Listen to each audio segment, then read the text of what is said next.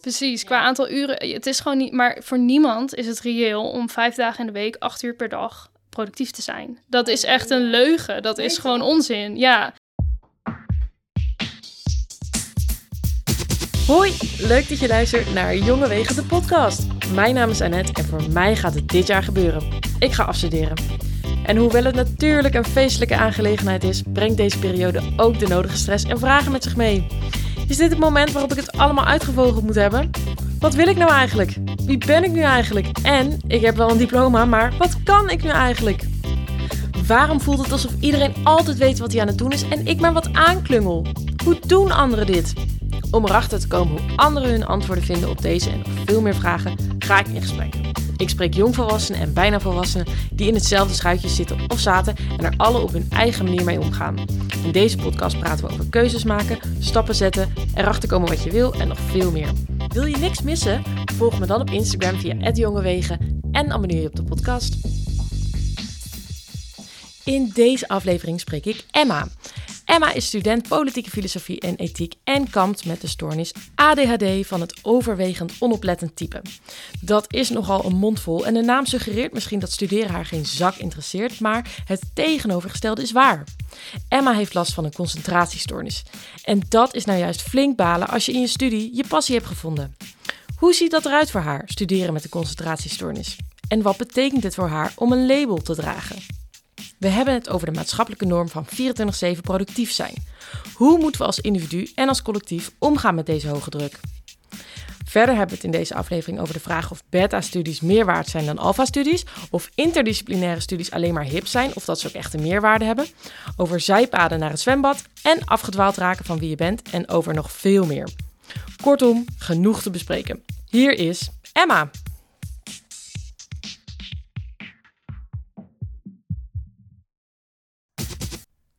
Hallo, Hallo. fijn dat je er bent. Leuk om er te zijn. Ik heb dus vandaag ehm, enkele uren geleden ananas gegeten. Mhm. En volgens mij is dat serieus de grootste fout die je kan maken als je een podcast gaat maken. Heb je wel eens ananas gegeten? Ja, laatst nog. Ja, echt. Nou, ik, ik hoor dus dat het echt een ding is. Dat je dan helemaal zo'n soort van branderig gevoel achter je keel krijgt. Mhm. Het voelt gewoon letterlijk alsof een soort van schuurmachine mijn keel aan het onderhanden nemen is. Maar dit was een paar uur geleden en je vond het nog steeds? Ik voel het nog steeds. Ik heb ook wel iets anders gegeten tussendoor. Ik heb water gedronken. Ja, Hmm. ik weet niet wat het is. Nou, mijn zus heeft dit dus ook. En die kan dus geen te rijpe ananas eten. Want dan krijgt ze dus allemaal aftes, echt. oh, gasten. Maar Oh, misschien was hij, was hij gewoon heel, heel rijp. En dan heb je dus, dan gaat er alcohol in ontstaan in ananas heel snel. En dat brandt of zo. Of dan Oh, gaat hij nou- fermenteren, weet je wel. Dat kan wel, want het was zo'n zo'n pakje van de Jumbo. Wat ook achterlijk is dat ik dat koop. Weet je, zo'n plastic Oh, verpakkingje van ja. echt veel te duur voor 100 gram of 200 gram of zo. Van die losse stukjes. Maar soms heb ik gewoon zo'n crave voor ananas. En dan ga ik niet gewoon zo'n heel ding slachten in mijn eentje. Nee, precies. Nee, en eh, heb je dan niet ook... Ik doe dat af en toe om een beetje mezelf te verwennen als ik mezelf weer eens zielig vind. Omdat Ja. het gewoon zo lekker is om zo'n bakje fruit te eten. Ja. En het voelt gewoon als een soort van take care of yourself momentje. Ja, precies. Terwijl ik weet niet of het nou echt zo mega gezond is. Maar Ja. het is beter dan dat ik een zakje M&M's koop. Ja, maar volgens mij is het toch gewoon vers fruit? Of doen ze daar dingen mee? Ja, of het is dus overrijp. Ja, oké, ja, dat wel. Ja, Ja. nou ja, anyway. I don't know. Eh, dat is dus de stand van mijn stem. Dus mocht het klinken alsof ik je benader als een eh, ja, schuurmachine, dan is dat niet eh, zo bedoeld. Niet persoonlijk. Nee, precies. Heb jij ook nog iets boeiends gegeten vandaag? Of ben je oké? Is je Eh, keel ik ben oké? Ik heb eh, hele lekkere dingen gegeten. Ik heb eh, pizza op, ik heb soep op. En ik voel me dus helemaal goed. Nice, goed zo. Ehm, laten we meteen overgaan tot het belangrijkste evenement van de dag. De Pickwick Praat. Pickwick Praat. Pickwick Praat. Ik ben benieuwd. Je mag er een pakken. Eens kijken. Oh jezus, wat ingewikkeld. Hoe ziet de wereld eruit over tien jaar? Oh, we hebben eindelijk gewoon een super toepasselijke vraag. Dit is super goed. Oké, nou, eh, moet ik hier nu antwoord op geven? Ja, we zullen het allebei doen. Ik zal eh, Oké. met je meedoen. Ehm, ja, ik maak me wel een beetje zorgen over hoe de, de wereld er over tien jaar uitziet. Ja, In- want? ja, door klimaatverandering en dergelijke. En aan de ene kant, ik zag het heel positief in dat ik dacht van, oké, mensen gaan bezig met racisme en met seksisme en dat komt steeds meer ter sprake en het wordt allemaal beter en gaan het aanpakken en Me Too, Black Lives Matter. En toen kwamen de Nederlandse verkiezingen en toen pakte het allemaal eh, in ieder geval niet helemaal naar mensen uit voor wat ik voor me zou willen zien. Ja. En eigenlijk was het alleen maar nog veel rechtser en veel, eh, ja, nou ja, in ieder geval, dat was dus wel even een shocker voor mij. Dus nu Ja. ehm, ben ik wel benieuwd hoe dat dan gaat en of daar nog een beetje een tegenbeweging in gaat komen of niet. Dus Ja. ehm, lekker pessimistische start. Ja, enigszins. Eh, zeg maar, jij bent team... Jess Klaver zegt toch dat, je over, dat we over negen jaar eh, grote, rampzalige... ehm, wat zegt hij over? Hij zegt steeds die negen jaar, maar het blijft niet echt hangen, dus wat hij bedoelt over Weet ik niet. Ik, heb, ik denk dat ik het niet eens echt heb meegekregen dan. Oh. Nou ja, volgens mij, zijn boodschap is dat we over negen jaar eh, is het al gewoon helemaal slecht en gaan de dijken doorbreken. en Oh, dus als in we moeten nu echt handelen en nu iets doen. Ja. Ja, nu is het natuurlijk eigenlijk al veel te laat, maar... ja. Tja. Maar goed, oké. Over tien jaar, jij ziet het niet bijzonder positief in. Nou, ik kan me daar wel redelijk bij aansluiten, denk ik. Helaas. Jammer genoeg. Hoewel ik wel intern hoop dat ik dan... Ik denk wel, ik kan niet zeggen van... eh, als ik 30 ben, dan denk ik dat ik het leven heb uitgevonden. Wat, wat Mhm. ben ik dan? Nee, 34 ben ik dan. Want ondertussen denk ik wel gewoon dat dat niet meer gaat gebeuren. Ik denk dat ik het nooit helemaal ga begrijpen. Maar dat je dan iets meer misschien gewoon vertrouwen hebt in jezelf. En in dat dingen gewoon lopen zoals ze lopen. En dat het goed komt Ja. of zo. Dus dat ik dan misschien vanuit dat perspectief... mm, ja, ik weet niet. Meer op persoonlijk vlak. Ja. Eh, dat dat, ja. Of heb ik nou, wat was nou precies de vraag? Zit Ja, nou de, hoe, helemaal- hoe de wereld er over tien jaar uitziet. Maar dat kan natuurlijk ook in jouw perceptie. Ja, precies. zijn. Nee, ik denk dat ik dat meer bedoel. Dat mijn perceptie dan misschien weer, weet ik veel, gewoon genuanceerder is of zo. Ja, Maar ja, goed, le- als letterlijk de dijken doorbreken en het elke zomer 40 graden is, dan kan ik wel leuk zelfvertrouwen hebben als 34-jarige zijnde. Maar ja. Nee, ik ben het wel verder wel redelijk met je eens. Ja, en ik heb zelf wel altijd dat ehm, het me nu tegenvalt dat ik als kind altijd dacht van, oh, volwassenen, die, weet je wel, die lijken gewoon hele, de hele normale dagelijkse dingen allemaal niet eng te vinden en prima aan te kunnen en te weten hoe het allemaal moet. Ja, En daar loop ik zelf zo tegenaan dat ik denk van, dat is helemaal niet zo. Je vindt dingen nog steeds eng, je laat het alleen niet aan jouw kinderen zien. En Ja. je ja wordt goed zeker. in misschien het niet laten zien, maar aan de andere kant hoop ik dat dat alsnog wel, we zijn nog steeds heel jong, ik denk dat dat alsnog wel groeit. Ja. Dat, sorry, dat wat groeit. Nou, dat het alsnog wel groeit dat je daar ehm, wat beter in wordt. eh, of als in dat je daar inderdaad meer berusting in vindt en Ja. meer ervaring krijgt, Ja, waardoor je dingen goed in perspectief kan zien. Ja. Ja, ik denk ergens dat ik dan nog steeds denk van, ik snap er nog steeds geen hol van. Ja. Maar goed. Gaat Dat heb ik ook.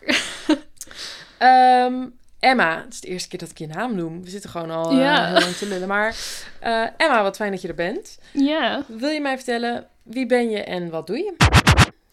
Ehm, ja, ik, eh, nou, ik ben dus Emma en ik kom oorspronkelijk uit de omgeving van Nijmegen, maar woon nu in Utrecht. Mhm. Ehm, op dit moment studeer ik bijna af van mijn bachelor ehm, in politieke filosofie en ethiek. En dat doe ik binnen Liberal Arts and Sciences. In de volksmond ook wel las. Ja, inderdaad, LAS genoemd. En ehm, ja, daarnaast doe ik eh, een stage bij een mensenrechtenorganisatie. Zo. Nou. En ik weet toevallig dat jij ehm, altijd druk bent.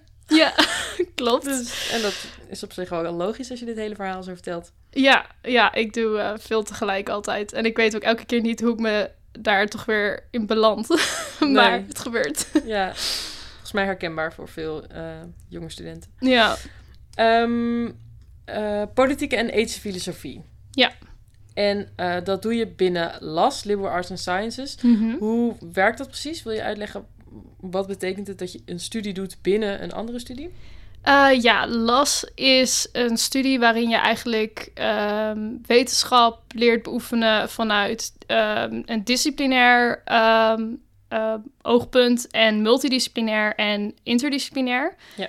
Ehm, en dat ga je dus eigenlijk leren, onder andere door de lasvakken die er zijn, die, waarin je dat concreet leert en Mhm. leert te onderscheiden. Ehm, dus eigenlijk las heeft best wel een focus op wetenschappelijke methodes. Ehm, dus daar, daar leer je veel over, hoe dat in de verschillende wetenschappen er eigenlijk uitziet. En eh, verder kies je binnen je studie eigenlijk dan de wetenschappen waarin jij je wil verdiepen en hoe je dat dus eigenlijk wil gaan leren. Ehm, en de meeste tijd besteed je aan je hoofdrichting. Ehm, daar volg je de meeste vakken in. En dat is voor mij dus ehm, filosofie. En daar kies je dan wel binnen, je kiest een wetenschap. En binnen die wetenschap kies je dan ook een specialisatie. Want Ja. je hebt natuurlijk geen ruimte om nog een hele andere bachelor volledig te gaan doen. Ja. Dus dan krijg je een paar basisvakken eh, van de filosofie. Zodat je die methode ook goed ook echt kan voordat je die moeilijkere vakken ingaat. En dan ga je het verdiepingspakket in die andere filosofie-studenten ook volgen. Ja. Dus je skipt wat meer eh, context en ehm, andere richtingen. Ja. Ehm, en daarnaast hou je dan nog keuzeruimte over ehm, waarin je andere wetenschappen kunt kiezen. Oké. Dus als ik het goed begrijp, ik zag liberal arts and sciences altijd een beetje als zo'n eh pretpakket dat je zeg maar helemaal zelf kan samenstellen wat je allemaal wil. Dat Ja. is- tot op zekere hoogte is dat misschien ook zo.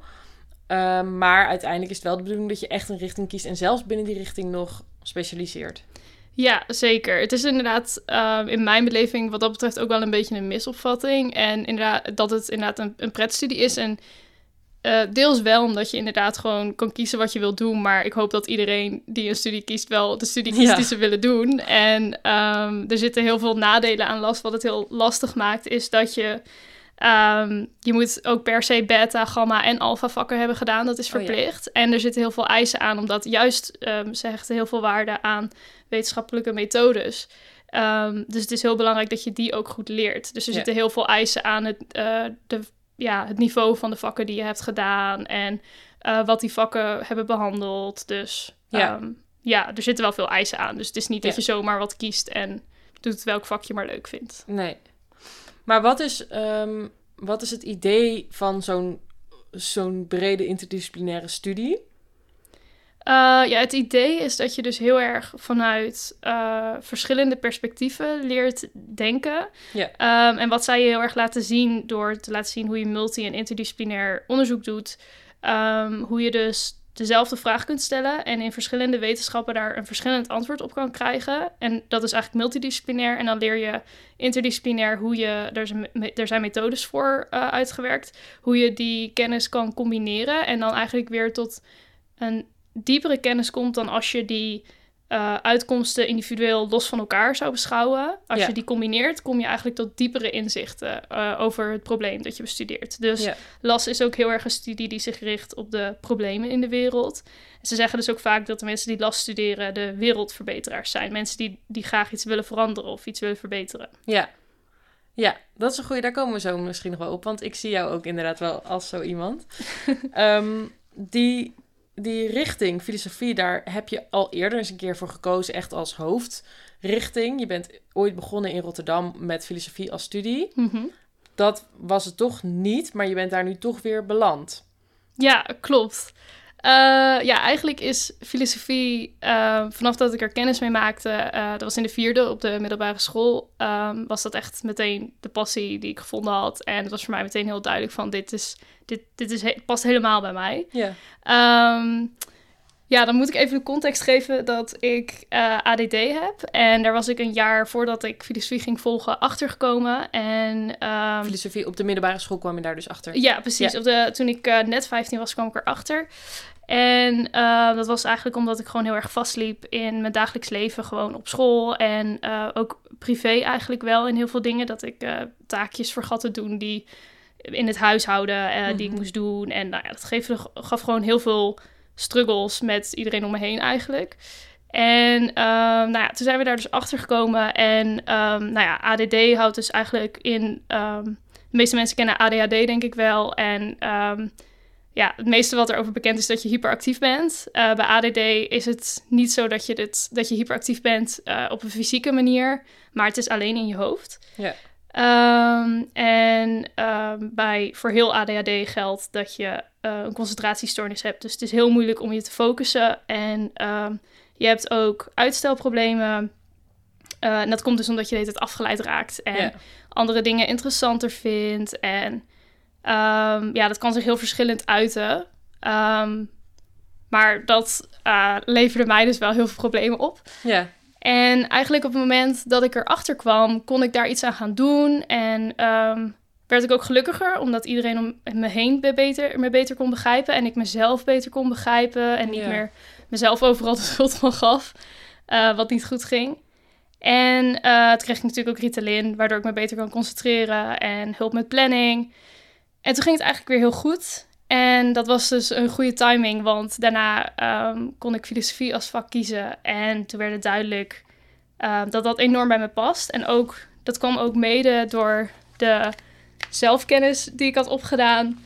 Um, doordat ik achter die ADD was gekomen. Omdat ik heel veel leerde over mijn manier van denken. En die is dus een beetje anders dan de meeste mensen. Want mijn hoofd is gewoon één grote chaos van gedachten. Mhm. En um, bijvoorbeeld, ze zeggen altijd: ADHD'ers kunnen heel moeilijk hoofd- en bijzaken van elkaar onderscheiden. In mijn beleving zijn gewoon alle details belangrijk. Ja. dus ik vind gewoon dat alles meetelt. Daarom dwaal ik nu behoorlijk af over, over ADD. Geef niet, dit is echt het voorbeeld. Dus. Ja, dus dit is echt- We ja. krijgen een real-time experience. Dat is helemaal goed. Precies. Ja. Dus ik, eh, maar ik ben best goed getraind geworden in dat ik daarop let. Dus dat ik nu door heb van, oké, wacht, ik dwaal nu wel weer heel erg af. Mhm. Dus ik moet weer even denken, oké, waar ging ik ook weer naartoe? Ja, Nou ja, in ieder geval dus dat ehm, filosofie heel erg aansluit bij mijn manier van denken. Omdat je, eh, bij filosofie is het eigenlijk de bedoeling dat je net zo lang door blijft gaan met denken. Totdat ehm, je zeg maar kan concluderen dat iets niet kan kloppen. Dus je gebruikt logica. Ehm, en je moet dus altijd maar door blijven vragen en door blijven vragen totdat je zeker weet dat iets wel of niet waar kan zijn. En zo kom je eigenlijk tot inzichten. Mhm. En dat past heel erg bij mij, omdat mijn hoofd draait altijd over uren. Ik ben altijd heel eh, intens aan het nadenken, aan het doordenken. En daar heb ik dus heel veel aanleg voor.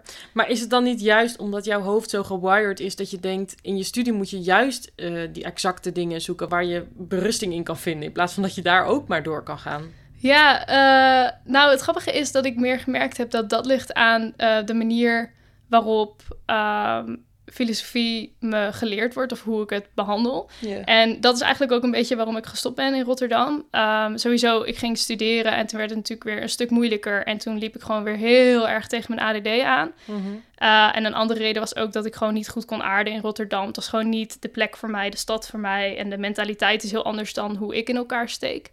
Maar ehm, een ander aspect was ook, dat heb ik vooral achteraf gerealiseerd, dat ehm, ze daar filosofie gaven op een manier op onderwerp. Dus dan krijg je, eh, we gaan het hebben over ecologie eigenlijk. Mhm. En eh, dan behandelen we allemaal filosofen die daarmee te maken hebben. Maar op het moment dat je nog niet de hele geschiedenis van de filosofie duidelijk hebt, is dat best wel onduidelijk. eh, omdat in filosofie het heel belangrijk is om te weten: oké, welke stromingen zijn er en wat betekent dat? Welke implicaties heeft dat? Welke aannemers zitten eronder? En wie heeft waarop kritiek geleverd?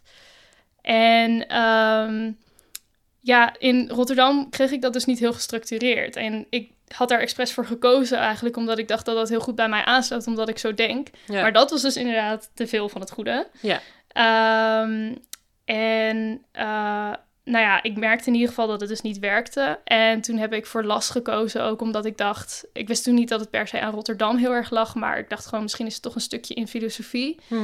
Ehm, en toen dacht ik, ik was ook altijd nog heel geïnteresseerd in psychologie. En toen dacht ik, als ik last ga doen, kan ik dat met elkaar combineren. Ja, goeie. Ehm, maar toen ging ik dus last doen. En het eerste jaar ehm, heb je vooral meer die algemene lastvakken. En, ehm, en dan kies je eigenlijk meer eh, gewoon vakken die je überhaupt interessant vindt van verschillende wetenschappen. En dat ging heel goed, want dat was heel leuk natuurlijk. En toen eh, ging ik door in mijn tweede jaar met de hoofdrichting cognitieve psychologie Mhm. Omdat ik dat dus nog wilde doen. En ik dacht, oh, dan ga ik gewoon nog, daarna nog een hoofdrichting filosofie doen. Maar eigenlijk op dat moment eh, zat ik helemaal in die cognitieve psychologie.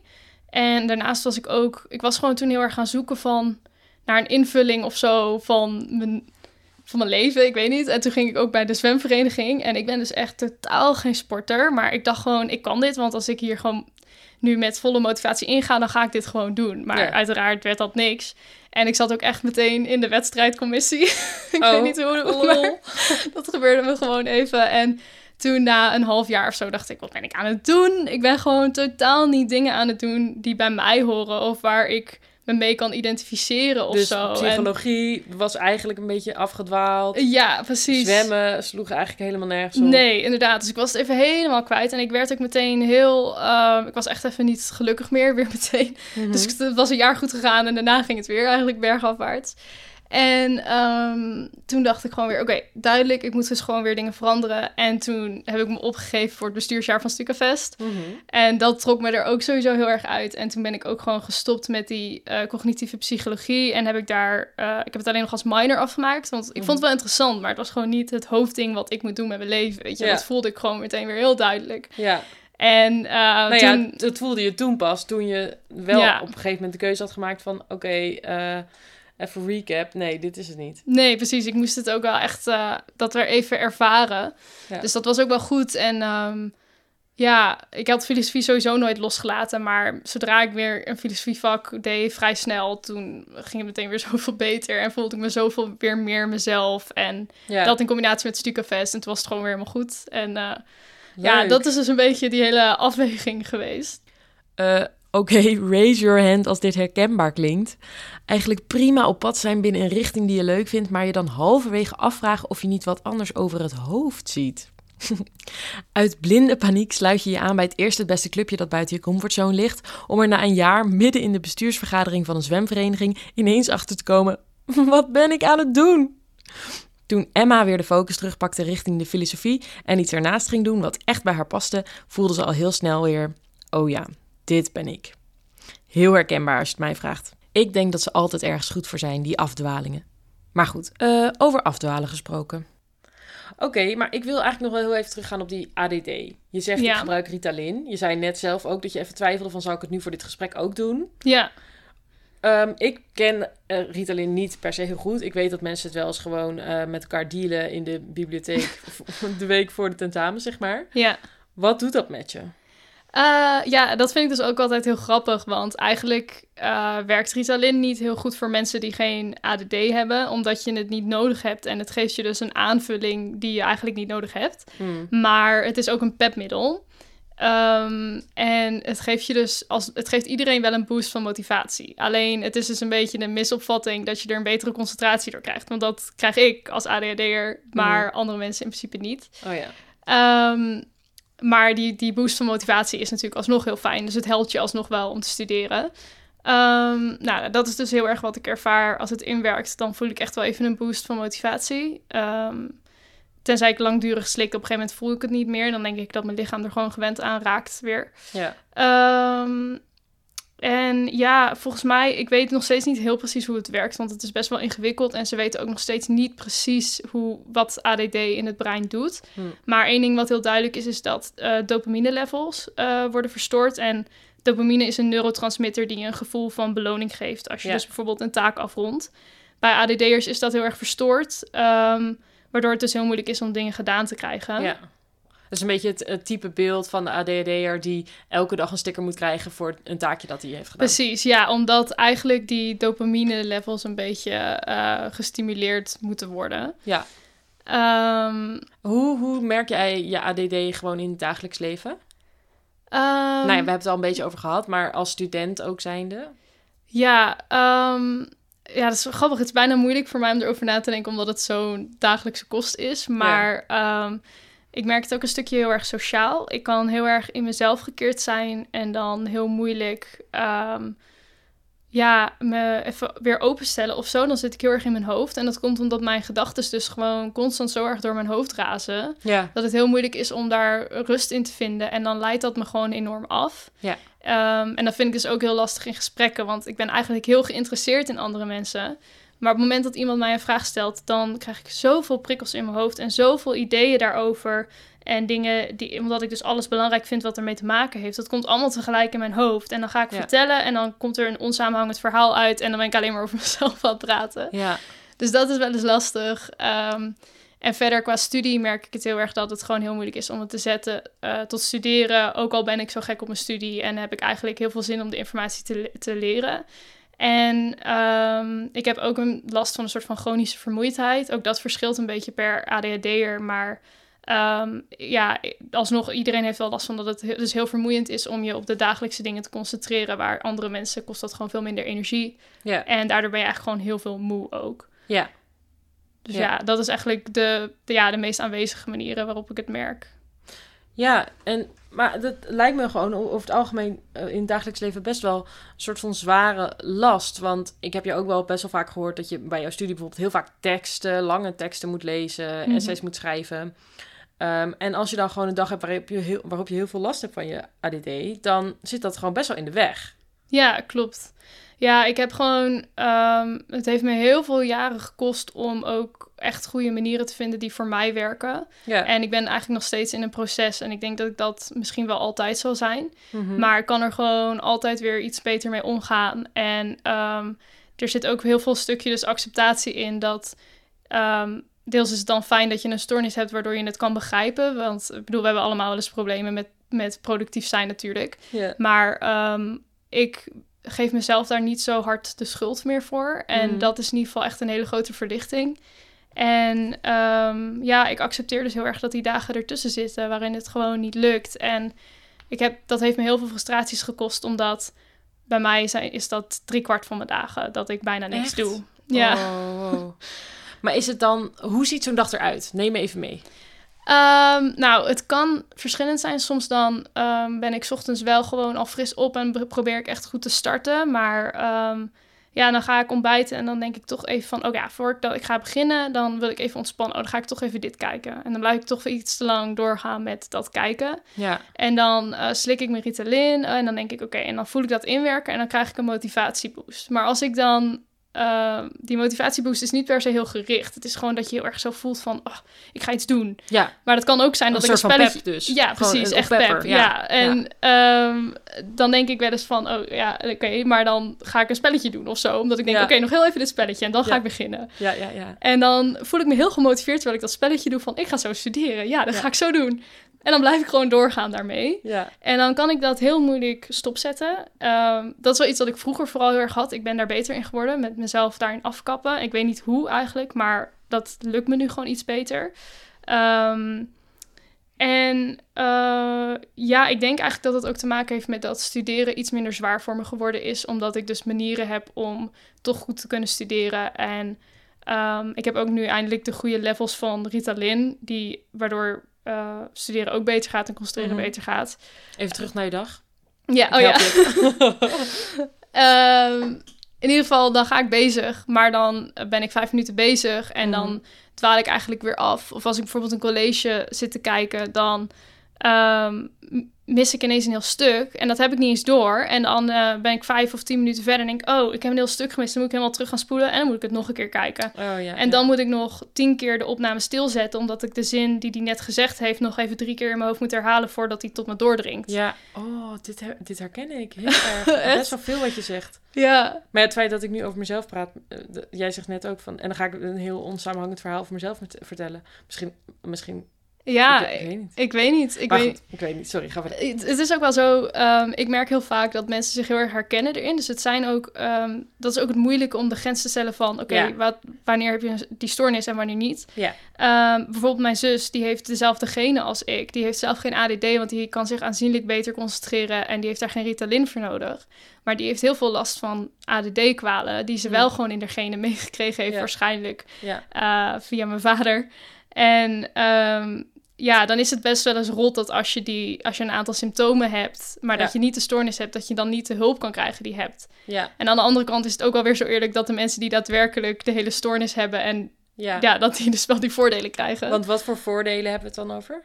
Ehm, nou ja, ik krijg extra tijd voor toetsen en ik heb een contract met de universiteit waar sta- waarin staat opgenomen dat ik ehm, om extra tijd mag vragen voor deadlines. En het is aan docenten of ze dat wel of niet geven, maar ik noem gewoon altijd het contract even en dan gaan ze er eigenlijk altijd wel mee akkoord. Ja, En eh, dat redt me gewoon heel vaak uit de brand. En natuurlijk Ja. Ritalin, dat kan je alleen krijgen als je een officiële diagnose hebt. Ja. Ehm, nou ja, en op de middelbare school heb ik hulp gekregen met plannen en dat soort dingen. ja, Wat begeleiding daarin. ja. Oké, want ik zeg nou natuurlijk wel een soort van semi-lachend van, hè, eh, ik herken dingen en ik denk dat veel meer mensen zullen dat hebben. Maar ehm, het is natuurlijk best een ding de laatste jaren van moeten we mensen wel of niet labelen? Moeten we, moeten we er wel een plakkertje op plakken als jij van dit soort dingen last hebt? Ja. Bijvoorbeeld ook de jongetjes die gewoon druk zijn, weet je wel, en die Mhm. graag rennen op het schoolplein. Moeten we die ADHD willen noemen? Ja. Ik heb zelf natuurlijk een opleiding gedaan die hier heel erg hierover gaat. Dus ik heb hier wel een idee over. Maar wat is jouw gevoel daarbij? Als jij hebt dus wel dat plakkertje, dat labeltje. Mhm. Hoe, eh, hoe verhoudt zich dat tot jouw identiteit bijvoorbeeld? Ja, ehm, voor mij is mijn ADD en de hele ontdekking daarvan heel belangrijk geweest. Ehm, ook gewoon voor mijn hele mentale gezondheid en ehm, zelfkennis. En ik denk niet dat ik er was gekomen waar ik nu ben. En ik ben heel blij waarmee, waar ik nu ben. Als ik dat label niet had gehad en die hulp niet had gehad. En ook vooral het begrip van mensen om me heen. Eh, ik, heb, ik krijg het niet altijd. Sommige mensen geloven gewoon niet zo in het bestaan van Nee? ADD überhaupt. Oh, wow. Ja, of, of anders geloven ze niet hoe erg het mijn leven echt kan bepalen, zeg maar. Ja. Eh, denken ze, geef jezelf een schop onder de kont. Ja, Dat heb ik iets te vaak moeten horen. En dat is heel pijnlijk, omdat eigenlijk iemand je, je tegen, dan gewoon tegen je zegt van het is je eigen schuld dat dit niet lukt. Je doet gewoon niet hard genoeg je best. Terwijl ik zoveel motivatie heb en zo graag wil, maar het Ja. gewoon echt niet lukt. ja, En, eh, maar gelukkig zijn er ook heel veel mensen die het juist er wel begrip voor hebben daardoor. Omdat ik kan uitleggen wat er niet lukt en waarom Ja. niet.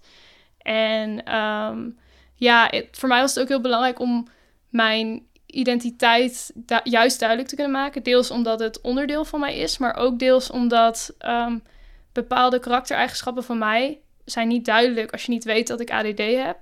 Ehm, want dan kom ik waarschijnlijk vaak ongeïnteresseerd over. Ja. Ehm, of eh, ja, weet je wel, als ik slechte studieresultaten behaal, dan denk je dat ik niet zo gemotiveerd ben voor mijn studie of ehm, er niet goed in ben. ja, Terwijl filosofie zo erg mijn ding is.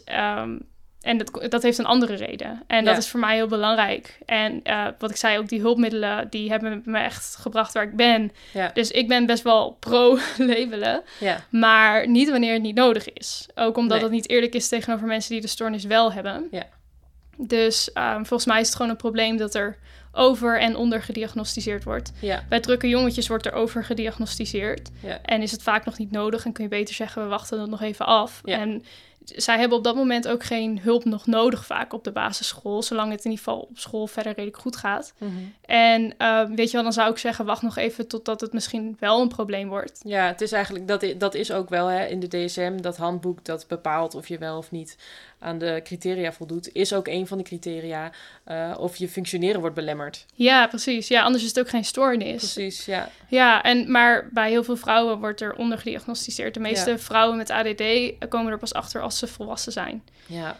Dus En omdat dan ze... valt ineens alles op zijn plek. Tenminste, dat kan ik me voorstellen. Precies, en dat is heel heftig, want dan hebben ze vaak heel veel kansen gemist... Die, Ja. waar ze anders misschien met hulp wel ehm, ja, de mogelijkheid toe hadden gehad. Dus Ja. dat is, daarom ben ik altijd wel een sterke voorstander voor ja. die labels ehm, geven aan mensen. En ook omdat ik vaak mensen spreek die zelf de diagnose niet hebben... waarvan ik dan wel eens denk, oeh, ik, ik denk dat, je, dat het zomaar zou kunnen zijn... en die heel erg vastlopen en zichzelf heel erg de schuld geven... en ook van mensen om zich heen de altijd de opmerking krijgen van geef jezelf een schop onder de kont. En daar voel ik heel erg voor, omdat ik daar ook zelf veel best wel onder geleden heb. ja. En dan denk ik, oh, ik wil zo graag de word out krijgen van wat ADD is en Ja. hoe serieus je het moet nemen ook. ja. Dus ja, Nou, dit is je plek. ja, Uiteindelijk inderdaad. Nee, maar ik vind het wel mooi wat je zegt van... Ik heb zo lang me schuldig gevoeld over dat het dan dagen niet lukte. We hebben je dag niet helemaal afgemaakt. Maar Ja. ik, zie, ik heb er wel een beetje een beeld bij... dat je dan uiteindelijk gewoon het eind van de dag... toch op de bank eindigt en gewoon helemaal niks meer hebt gedaan. Ja, En je daar dan dus heel schuldig over voelt. ja, En ik denk dat dat zeker voor een deel bij jou in ieder geval komt door jouw stoornis en je belemmering daarin. Toch heb ik ook wel het idee dat heel veel mensen die bijvoorbeeld misschien niet last hebben van zo'n stoornis, ook vaak schuldgevoelens hebben van ik heb niet genoeg da- gedaan in mijn dag, ik had veel meer uit mijn dag moeten halen. Dus echt een soort van norm, ik Mhm. moet altijd productief zijn. ja. Voel Ja. jij dat ook zo? Ja, ik denk wel dat dat... ehm, voor mij was dat ook een hele... Is dat eigenlijk nog steeds wel een beetje een angst voor als ik ga werken. eh, Mhm. Voor wat er van je verwacht wordt. Daar kan ik niet aan voldoen. Maar ik denk inderdaad dat Qua eigenlijk... aantal uren bijvoorbeeld. Precies, Ja. qua aantal uren. Het is gewoon niet... Maar voor niemand is het reëel om vijf dagen in de week, acht uur per dag productief te zijn. Dat is echt een leugen. Dat Nee, is gewoon toch? onzin. Ja. En kijk, het verschil tussen mij en iemand zonder stoornis is misschien wel dat het bij mij dus drie à vier dagen in de week is dat het misschien niet lukt. En één iemand heeft één dag in de week bijvoorbeeld, weet ik niet, maar dat denk ik. Ehm, maar dan nog is dat dus ook al een probleem. Dat, is, dat zie ik ook bij heel veel mensen om me heen die wel al werken, die daar al dan al mee in vastlopen. En ja, ook gewoon halve dagen inderdaad niks doen. Ja. Ja, waarom wordt dat dan van ons verwacht? Dat vind ik gewoon heel raar, want... Ja, maar nog los van het, van het werken, ik, ik ben daar zelf ook heel bang voor. Ik heb ook wel eens de tijd dat ik dan werkte, dat ik gewoon zo mega moe was dat ik een soort van dacht: hoe doen mensen, zeg maar tijdens die dag al dat ik zo moe was, hoe doen mensen dit dat ze dit dan vijf dagen achter elkaar doen? Ik begreep dat gewoon niet. Nee, nee, en dan, en dan, dan heb je net een super heftig gesprek gehad op je werk of weet ik veel wat. Dan, dan is je brein en je lichaam toch gewoon op. Dan, dan is het toch gewoon niet reëel om te verwachten dat je nog die rest van de dag ja. even productief bent.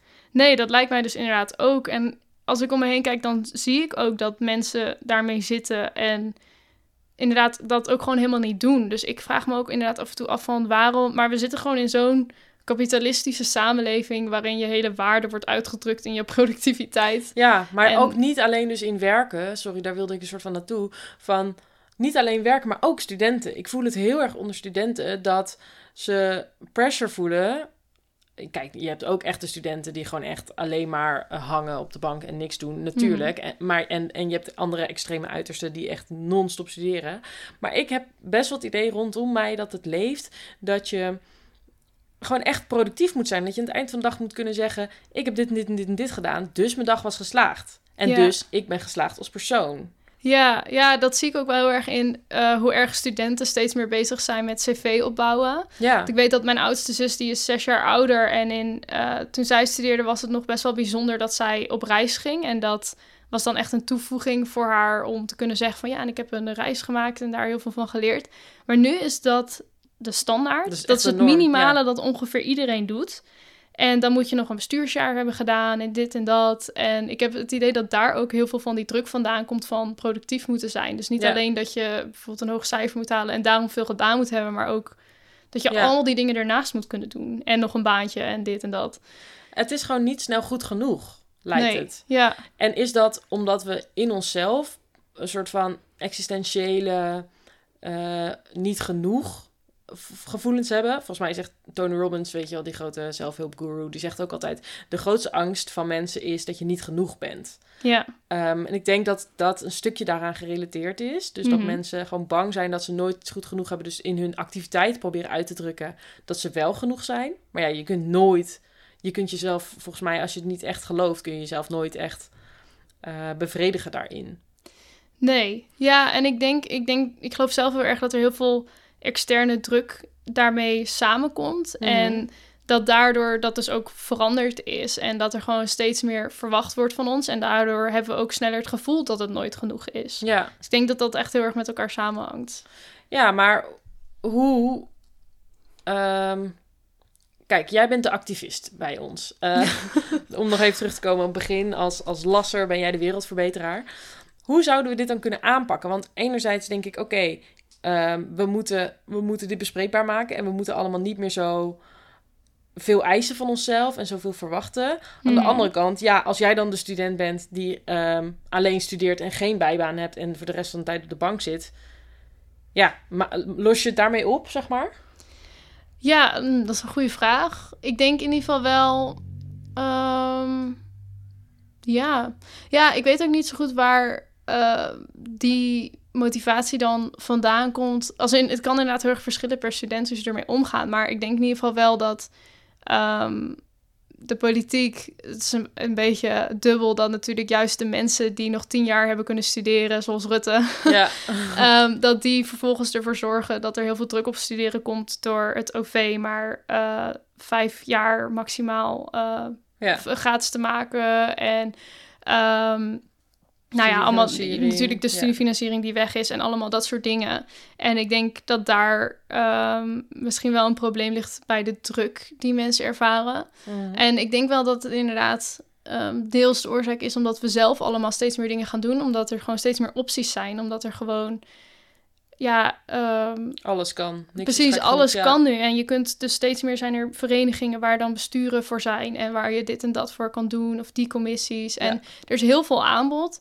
En dat willen we dan ook allemaal doen. En ehm, daardoor versterken we het allemaal bij elkaar. Want Ja. doordat we de hele tijd anderen horen die daarmee bezig zijn, denk ik, oh, ik moet ook per se die dingen doen. Ik moet ook me onderscheiden. Ja, Ja, en, maar deels denk ik wel, ik vind het altijd problematisch om die schuld dan bij mensen zelf neer te leggen van ja, je wilt dit zelf allemaal omdat Mhm. anderen het doen. Ehm, omdat ik ook gewoon denk dat, ehm, ja, dat er gewoon zo'n gekke sfeer van concurrentie is e- en dan op basis van productiviteit ja. ehm, die ons nou, ook... niet per se concurrentie, een soort van competitie misschien. Ja, ja, misschien is dat een beter woord inderdaad. Ja. Ja, en ik weet niet, ik heb. Ik denk dat het ook belangrijk is dat. In het onderwijs werd dat altijd ook al heel erg meegegeven. Mensen zeiden ook altijd tegen van ja, je moet wel een keuze maken voor een studie die nuttig is. En Ja. dat ik weet niet. Ik denk dat het gewoon heel erg ingeeft. Ik, ik weet niet of er per se zo'n concrete oplossing is, behalve dat we dus er allemaal dat we hierop reflecteren en Ja. hier aan denken. En Dat Ja. het bespreekbaar wordt gemaakt. Precies, en ik denk wel dat het zou helpen als dus bijvoorbeeld vanuit de politiek dus minder druk op studenten, dat dat... Ja, want in die end is het dan dus eigenlijk best wel terug te leiden op financiële eh, keuzes die in Den Haag worden gemaakt. Ja, Niet helemaal natuurlijk. nee, Want het is helemaal. ook, denk ik, wel een stuk social media bijvoorbeeld, waarin Ja. we heel erg elkaar vergelijken met elkaar. Dat denk ik inderdaad ook wel heel erg, ja. Maar ook wel. Eh, kijk, ik, ik, ik schrik echt als ik weer die burn-out cijfers hoor van mensen onder de 30. Dat is Ja. echt niet normaal. Nee, inderdaad. En voor een deel komt dat omdat we gewoon altijd maar meer willen van onszelf en van ons cv. Dat cv is een soort van de holy grail. Ja, En dat moet echt het zijn. ja. Ik denk heel veel mensen doen echt iets omdat ze het leuk vinden. Dat zie ik bij jou ook. Mhm. Je doet ook heel veel stages en dingen omdat je het leuk vindt. Maar je werkt jezelf ook wel de pan uit. Ja, zeker. En tot op welke hoogte mag je zeggen: hé, hey, ik heb last van deze belemmering. Ehm, ja, ADD. Ehm, ik maak het mezelf niet zo druk, weet je wel? Ja, ja, daar heb ik ook wel dit jaar over nagedacht, omdat ik dan nu weer ehm, een stage doe. En eigenlijk juist nu kwam ik weer wat leuke dingen tegen waarvan ik denk, oh, dit had ik, dat was eigenlijk veel relaxter dan een onderzoek moeten doen voor een stage. Ja. En misschien nog wel iets meer voor mezelf, inderdaad, in plaats van voor mijn cv. Eh, en toen dacht ik, ja, daar heb ik geen ruimte voor overgelaten, omdat ik van tevoren al zo erg mijn, eh, mijn tijd ingevuld heb. En dat is inderdaad een soort van honger naar productief zijn. En denken van, ja, ik heb dan een half jaar waarin, waarin ik alleen maar mijn scriptie doe. Dan moet Ja. ik er wel iets bij gaan doen. Eh, nou, dat had ik precies nu ook dit jaar. Ik hoefde ook alleen mijn scriptie, maar dan denk ik, oh, dan moet ik wel weer een of ander groot project, bijvoorbeeld een podcast of zo, weet je wel, Ja. gaan opstarten. Omdat je gewoon wil laten zien van, ja, maar ik doe niet niks. Terwijl waarschijnlijk, denk ik, over tien jaar, meid had gewoon even niks gedaan. Ja, precies. Eh, toen toen- het nog kon. Precies, ja. ja. Nee, er is best een, een dunne grens tussen jezelf over de kop werken of gewoon, nou ja, goed assertief en ambitieus zijn. Ja. Ja, oh, ik moet nu, wat nu meteen in mijn hoofd komt, is dat de slogan van mijn middelbare school was: eh, haal eruit wat erin zit. Ja, En dat is wat ik bedoelde met dat het zo erg ons wordt meegegeven Ja. al in het onderwijs. Ja. Ehm, wat docenten tegen je zeggen. Ik geloof heel erg altijd dat alle ideeën die we in de maatschappij hebben in de hele kleine dingetjes zitten die we de hele tijd meekrijgen. En Ja. dat zijn dat soort dingen. Met die slogan haal eruit wat erin zit. En dat was ook de hele mentaliteit op mijn school van haal, weet je wel, maar bijna sla eruit wat erin zit. Ja. zo van, ja maar het is natuurlijk ergens goed. Je wil allemaal de beste versie van jezelf worden. Ja, Ik, tenminste, ik denk, hoop dat het op die manier bedoeld is. ja, Maar het is wel, denk ik, soms een beetje doorgeslagen naar... Ja, I don't know. ehm, doe alles, eh, maar val nog net niet dood. ja, precies. Ja, dat idee heb ik ook wel heel erg. Ja, Ja, en ik denk ook dat als, we, als dat zou verminderen, dat dat ook ehm, mensen met, heel veel mensen met zeg maar verschillende stoornissen of misschien fysieke handicaps ook veel meer ruimte zou bieden om mee, eh, eh, ja, om mee te kunnen doen ja, eh, met al die dingen. Omdat nu, ja, nu wordt het zo inderdaad verwacht dat je allemaal mee kan draaien op dat niveau en dat kan niet iedereen. En nee. ja, En moeten we dat willen? ja, Ja, dat is natuurlijk ook. Hè, er zijn ook mensen die het niet doen en die hebben één baan of één studie en die zijn gewoon prima content. Ik denk Ja. dat wij ook gewoon, eh, of wij, ja, dan heb ik het over ons persoonlijk, dat wij ook wel bezig zijn inderdaad met wat doen anderen en, en ik wil daar het meeste uithalen of zo. Ja. Ja, ik heb ook soms wel eens het idee dat het. ehm, ik weet het niet zeker, want ik ken vooral Alpha-studenten. Maar ik heb ook wel eens het idee dat het, dat, dat meer leeft onder Alpha-studenten. En misschien is dat ergens ook omdat Alpha heel vaak een beetje. ehm, heel vaak pretstudies worden genoemd of zo. Ik weet niet of dat misschien soms ook. compensatiegedrag. Ja, dat het daar ook mee te maken heeft. Dat je Ja. jezelf wil gaan bewijzen. En dat is eigenlijk super oneerlijk. Want ik geloof juist enorm in de waarde van Alpha-studies. Maar Ja. toch internaliseer je dat denk ik wel Ja. ergens. Ja, ik begrijp wel wat je bedoelt. Ik weet nog wel in mijn eerste jaar dat ehm, had ik iemand eh, in mijn kring en die studeerde biologie. En die zei ehm, over een huisgenootje. Ja, en die heeft het altijd zo druk. Maar ja, dan denk ik, die studeert psychologie. Dus wat, eh, wat heeft zij nou eigenlijk te doen? Ja, En dat ik daar toen best wel van schrok. Want toen dacht ik, huh, we kunnen dat toch helemaal niet zo... Ik denk wel zeker dat het een bepaalde mate zo is... dat sommige studies hebben gewoon meer letterlijke werkdruk. Als in letterlijk meer last, studielasturen. Mhm. En dat is ook met bepaalde banen. Heb je gewoon zijn fysiek zwaarder of zo. Maar ik denk gewoon niet dat we die dingen met elkaar kunnen vergelijken. We kunnen toch niet zeggen, jouw studie is, veel zwaarder dan de mijne of zo. Dus jij doet niet genoeg of zo. Nou, ik denk dat eh, de moeilijkheid van een studie ook afhankelijk is van waar je aanleg voor hebt. En ehm, ik denk dat gewoon meer mensen aanleg voor alfa-studies hebben, wat ook best logisch is, want dat zijn eigenlijk allemaal onderwerpen die ons allemaal aangaan. Het zijn maatschappelijke onderwerpen, psychologie. Ja, we, hebben, we denken allemaal na. Dus Ja. het ligt dichter bij ons. Dus we hebben er ook allemaal al meer over nagedacht. En het is allemaal heel talig. En dat, ja, we kunnen ook allemaal eh, ja, in taal communiceren. Dus ehm, het is logisch dat meer mensen daar aanleg voor hebben en al meer getraind in zijn. Terwijl beta-studies, daar moet je een speciale aanleg voor hebben en goed in zijn, denk ik. Ja, En ehm, ja, het is ook een stukje interesse, denk ik. Ik geloof heel erg dat eh, waar je aanleg voor hebt en waar je goed in bent en wat je makkelijk of moeilijk vindt, heel veel afhangt van hoeveel interesse je ervoor hebt. En gewoon minder mensen vinden het interessant op, om op zo'n abstracte manier en met cijfers, eh, bijvoorbeeld in, als je denkt aan wiskunde of zo, ehm, naar de wereld te kijken. Dus ja, ik denk dat het de moeilijkheid meer daarin zit. Ja. Maar dat, omdat meer mensen het doet, doen, eh alfa-studies, wil dus niet per se zeggen dat de waarde er dan minder van wordt. Nee, ik denk dat dat bijna een soort van hele economische manier is om ernaar te kijken. Dat als je denkt dat, oké, als er schaarste in is, dan is het dus bijzonder of speciaal. Ehm, Ja, Terwijl het is gewoon allemaal nodig. ja zeker. We hebben gewoon veel psychologen nodig, dat blijkt ook. Er is een tekort aan psychologen, dus Ja, ook al zijn er zoveel. Ja. Maar goed, ik weet zeker dat er nu ook mensen luisteren die denken... ja, maar eh, hoeveel antropologen denk je dat we nodig hebben? Kijk, dat is natuurlijk zeker waar, maar... we hoeven ook niet allemaal natuurkundigen te zijn. En uiteindelijk gaat het er ook niet om dat je iets kiest waar je het meest inzetbaar bent. Het gaat er ook om dat je gewoon iets kiest inderdaad waar je goed in bent... en wat je leuk vindt en wat je ligt. ja uiteindelijk eh, gaat het toch om wie we als mens zijn en wat waar we dan gelukkig van worden. En ehm, natuurlijk is een bijdrage aan de wereld eh, wel gewenst, maar dat kunnen we allemaal op een andere manier doen. En als jij antropologie gestudeerd hebt, betekent het niet dat je per se antropoloog wordt. Je kunt daar ook ehm, hele andere richtingen daarna in gaan en hele eh, bijzondere inspiraties daardoor hebben die andere mensen niet hebben door wat je geleerd hebt. Is ook zo. Ja.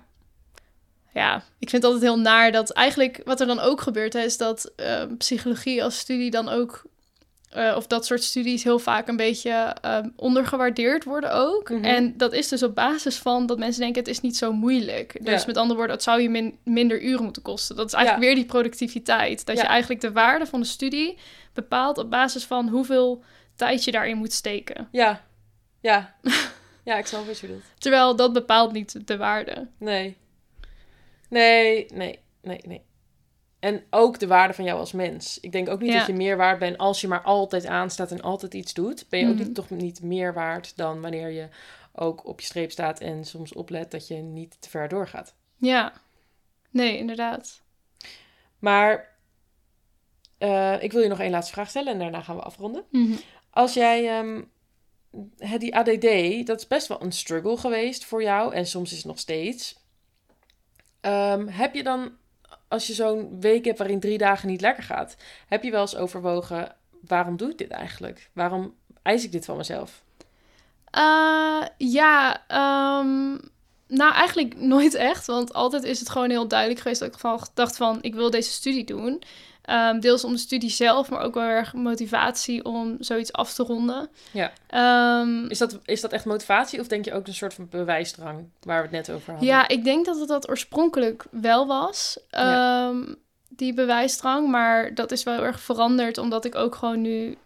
Ik wil gewoon heel graag die filosofie doen en die ethiek. En ik wil daar iets mee gaan doen, ook in mijn werk. En dat kan ik het beste door die studie af te maken. En ehm, ook ik hou echt van studeren. Alleen, en dan, zeg maar, ik zie dat er heel erg los van. Die struggles die ik daarmee heb, ehm, ja, die staan los van hoe leuk ik alsnog het studeren vind. Ja. Dus eigenlijk is je boodschap dat ook als je last hebt van... Ik, ik zit jouw boodschap gewoon al in te vullen. Sorry, wil je, wil je een boodschap meegeven? Ehm, ja, wacht, moet ik even nadenken. Eh, ja, ik denk in ieder geval dat je heel erg moet luisteren naar ehm, wat je passies zijn en daar jezelf de ruimte voor moet geven. En dat je dan ook niet te bang moet zijn om dan inderdaad een keuze te maken om iets om te gooien. Ik heb dat meerdere keren, dat is alsnog wel gedaan. Ja. Ehm, en dat je het eigenlijk ook wel weet als het wel je passie is en dat het meer gewoon is dat je er moeilijkheden mee hebt. Ja. Ehm, maar dan, dan weet je het wel als het de moeite waard is om daar alsnog mee door te gaan. En als je die energie alsnog niet voelt, dan is dat een teken. En Ja. voor mij, wat ik zei, ik heb dus eigenlijk nooit aan getwijfeld om echt te stoppen met filosofie. Dat kwam niet in me op. Het kwam wel in me op om weg te gaan uit Rotterdam en te switchen Ja. naar LAS. Maar nooit om helemaal te stoppen met filosofie. En Nee. Dat was gewoon... eh, Ondanks dat het je moeite kost. ja, het is het gewoon waard voor mij. En dat, Ja. dat weet je gewoon. En als je dat niet weet, dan is dat wel. Dan duidt dat ergens op. En dat betekent niet dat je dan maar meteen moet stoppen wat met, je, wat je, met wat je aan het doen bent. Als jij, in je, bij, als jij bijna klaar bent met je studie bijvoorbeeld. En eh, nou ja, maak het vooral af, zou ik dan vooral zeggen. Mhm. Maar als je er nog net middenin zit en het gaat gewoon niet goed met je ook, omdat je er niet gelukkig van wordt, dan maak dan gewoon een andere keuze en wees daar niet te bang voor. Ja. Maar ik denk wel dat veel mensen dan misschien eh, het wederwoord hebben van... ja, maar wat dan wel? Als ze als ze hun passie nog niet hebben ontdekt. Ja, Maar goed, dat is misschien voor een andere aflevering.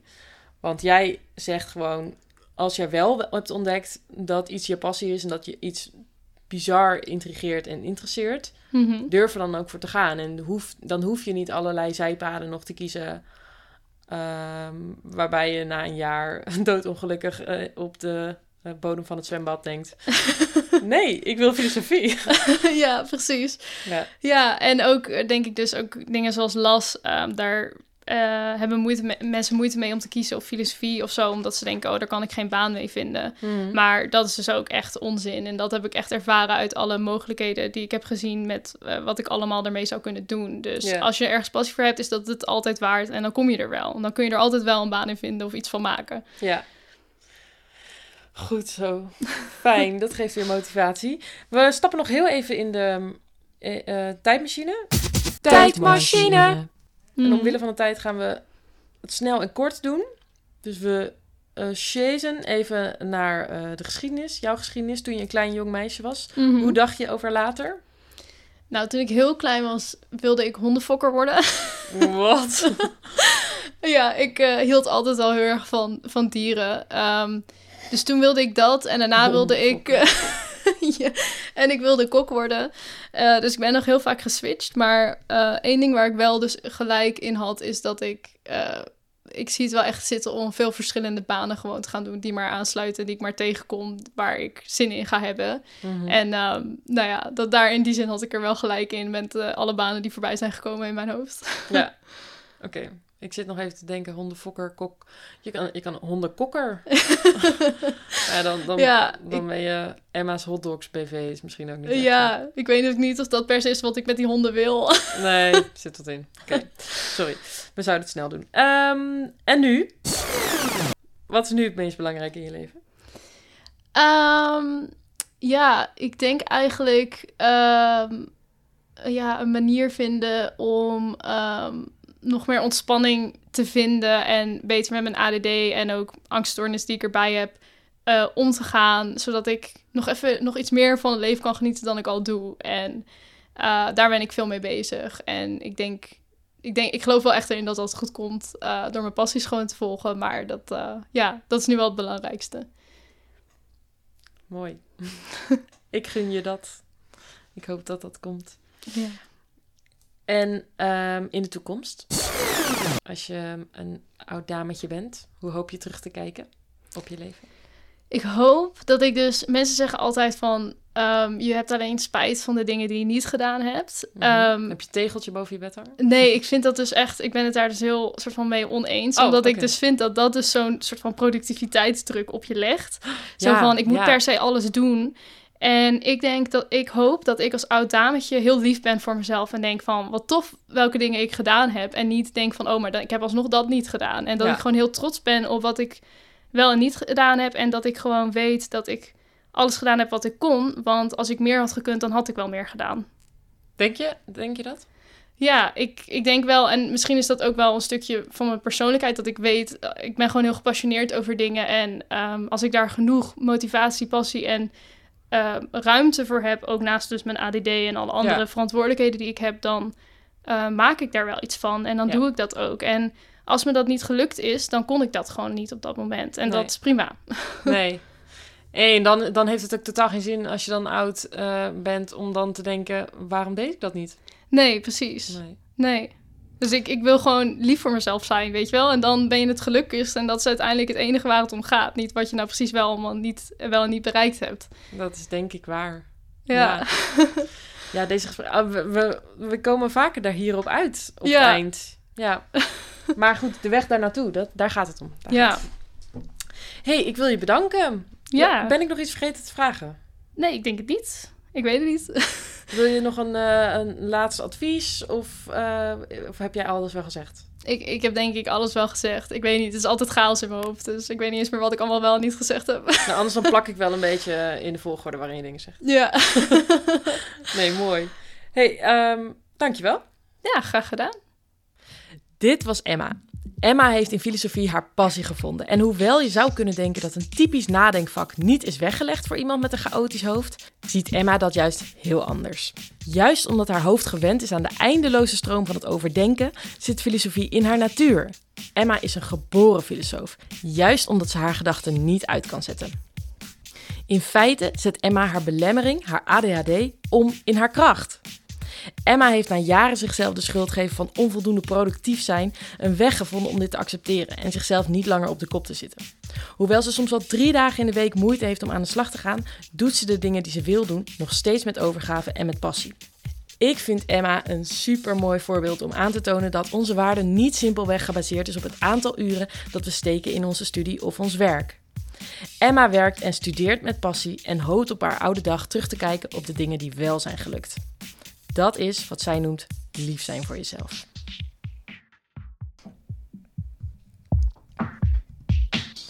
Dit was alweer een nieuwe aflevering van Jonge Wegen, de podcast. Ik ben heel benieuwd wat jouw ervaringen zijn met studeren met een belemmering of met de norm van het altijd maar productief moeten zijn. Je kunt het me laten weten. Volg me op Instagram via @jongewegen en stuur me een berichtje. Je kunt de podcast ook volgen op je favoriete podcastkanaal en als je het nou leuk vindt, kun je me ook delen met je vrienden en familie. Dat zou ik natuurlijk heel leuk vinden, want ik hoop dat zoveel mogelijk mensen waarde kunnen halen uit deze gesprekken. Je kunt natuurlijk ook een review achterlaten. Dat zou ik helemaal fantastisch vinden. Ehm, dat was hem alweer. Jongewegen de podcast, gemaakt door mij, Annette Pijper. En de muziek is van Bastiaan Ilmer. Tot snel weer. Joe!